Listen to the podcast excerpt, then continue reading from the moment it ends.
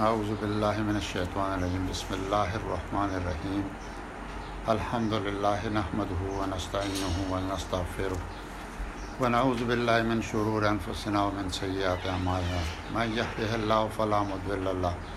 ومن يضلل فلا هادي له وأشهد أن لا إله إلا الله وأشهد أن محمدا عبده ورسوله اللهم صل على محمد وعلى آل محمد كما صليت على إبراهيم وعلى آل إبراهيم إنك حميد مجيد وعن ابن عمر قال قال رسول الله صلى الله عليه وسلم بني الإسلام على خمس شهادة الله إله إلا الله وأن محمدا عبده ورسوله وإقام الصلاة وإيتاء الزكاة والحج په صوم رمضان حضرت عمر رضی الله تعالی عنہ روایت کوي وایي چې رسول الله صلی الله علیه وسلم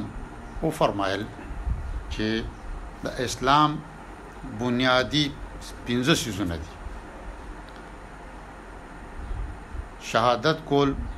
چې د الله نه بل د عبادت لایق څوک نشته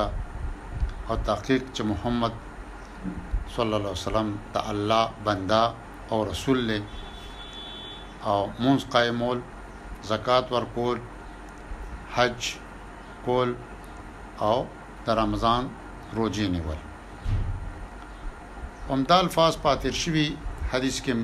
راغلی هغه کې هغه حدیث ته حدیث جبرئیل موي او هغه مختلف طریقو سره روایتونه شوی دي نو هغه کې د ایمان متعلقم تفصیلا ذکر دی چې ایمان په الله پر رسول په ملائکو په کتابونو او په روز د قیامت او د جمع دي کې دوه په دې ټولو سيزونو باندې او تقدیر باندې ایمان او د اسلام ذکر کې کوم دا سيزونه دي هغه حدیث مبارکه یو بهترین ترتیب هغه کې مونږ ته د تعلیم ورکولم خودل شو او هغه دا و چې د یو پویس کس د طرف نه سوال کیږي او دا غي جواب ورکړي کیږي دا یو انداز تعلیمو خو دغه نه مخکې یو بل حدیث کې هم د هغې حدیث عیسی ده چې هغې کې فرمایلی دی چې جبرائیل امین راتلو نه مخکې صحابه ناستو رسول الله صلی الله علیه وسلم سره او رسول الله صلی الله علیه وسلم په خپل تاسو کو چې تاسو د دین متعلق څه تاسو کول غواړئ نو صحابه تاسو سوچ کې پریوتل او چونکه یو مخکې حکم راغلو د زیاتې تپوسون نه منع قران کې نو دوی به ډیر زیات تپوسونه نه کول سوچ به کو چې یار د ضرورت اشد ضرورت کم تپوس هغه کو او دغه به دو چې یار څوک بل څوک راشي او تپوسو کیو مونږ د سره خبر نه یو دا خبره مونږ وورو او مونږ تم دا تعلیم وشي نو الله تعالی د مسلمانانو د تعلیم د پاره جبرائیل امین رولېګ رسول الله صلی الله علیه وسلم ته او د سوال په انداز باندې تپوس کوي او بیا د هغې تصدیق هم کوي دا یو بهترین انداز و خو هغه کې د آداب د خیالم هغه یو حدیث کې تفصیل روان شي دا احادیث چې څوک بیانې نو بعض اوقات هغه صرف هغه الفاظ بیانې بعضې راوي داسې وي چې هغه ورسره حالات هم بیانوي چې دې ځای کې ناست وو، داسې موسم و، داسې یو سړی راغی، داسې یې رنګ و، داسې فلانې، نو هغې کې ورسره دا هم بیان کړي وو چې دی راغی نو تپوس یې وکړ، نو دا موږ دپاره یو تعلیم دی چې یو مجلس ته څوک ځي نو پکار دي تپوس ترې وکړي چې زه نږدې راتلی شم نو اجازت ورته میلاو شو، رسول الله صلی الله علیه وسلم اجازت ورکړ. نو چې بیا هم راغی نو چې انکه خبره ترې هغه ډېرې قیمتي د الله طرف راغلی استاذ یو نو بیا تاسو کو چې نور نږدې شم درته اجازه ته واغشتو نو دومره نږدې راغی چې بالکل هغه سره کونډه په کونډه و جنگي دا کېناستو او بیا ته تاسو نه شروع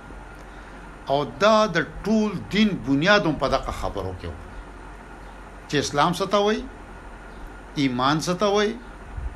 احسان څه ته وایي قیامت او تقدیر دا ټول د دین بنیاد دی دې کې بیا مزید شاخونه او د دې مزید خورېدل او د هغې مزید تفصیلات چې دي هغه اوس را روان دي نو دا لومبنی حدیث چې من کوم ابن مهر رضی الله عنه صلی الله صلی الله علیه وسلم نه روایت کړی دی هغه کې هم د اسلام د 50 سيزونو خبره شوه ابو هريره رضی الله تعالی فرمایي هغه نه روایت ته وعن ابو هريره قال قال رسول الله صلى الله عليه وسلم الايمان بضع وسبعون شعبه فافضلها قول لا اله الا الله وادناها اماده الاذى عن الطريق والحیاء شعبة من الایمان ابوهریره رضی الله تعالی عنه روایت کوي چې رسول الله صلی الله علیه وسلم او فرمایل چې د ایمان صد پاسه او یا شاخونه دي یعنی د ایمان دومره جزونه دي دومره شاخونه دي او پاګه کې د ټول نه بهتر افضل شاخ چي دي هغه دا دي چې لا اله الا الله چه الله نه بغیر بل څوک لایق د عبادت نشته نشته څوک لایق د عبادت مګر صرف یو الله دی او په دې باندې انسان په اسلام کې داخل شي دغه بنیاد دی او وې د ټول نه کم تر درجه دام کتا کې ایمان وی نو د دون دون سیس بم ته خیال ساتي چې د لارې نه یو ازار تکلیف ورکون کې شي یو غنا یو کانه یعنی خو چې څه شي انسان له تکلیف ورکړي د لارې نه هغه تکلیف رسوونکي شی لرې کول دا هم د ایمان یو حصه ده ولې چې ایماندار سړی په لاره تېرېدی نه شي دومره احتیاط به کوي چې په لاره ځي یو تکلیف شی پروت دی دا به نه کوي چې بل څوک به لر کوي دی به لرې کوي دا هم د ایمان یو حصه ده او حیا حیا هم د ایمان حصه ده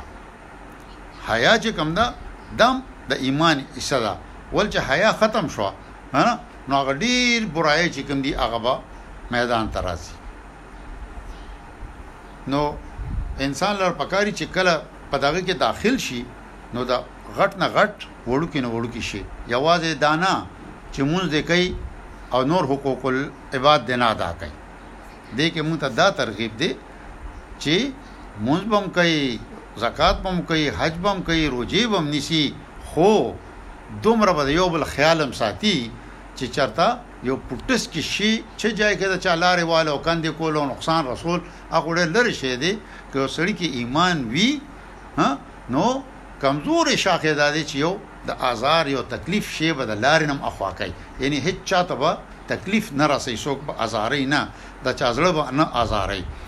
او دغه شان حیا به کوي د مشر نه د کشر نه د الله نه د ټول نه زیاته حیا پکار ده بس ته کوزو ورپسې مخکې صدق الله العظیم بس نو سوالو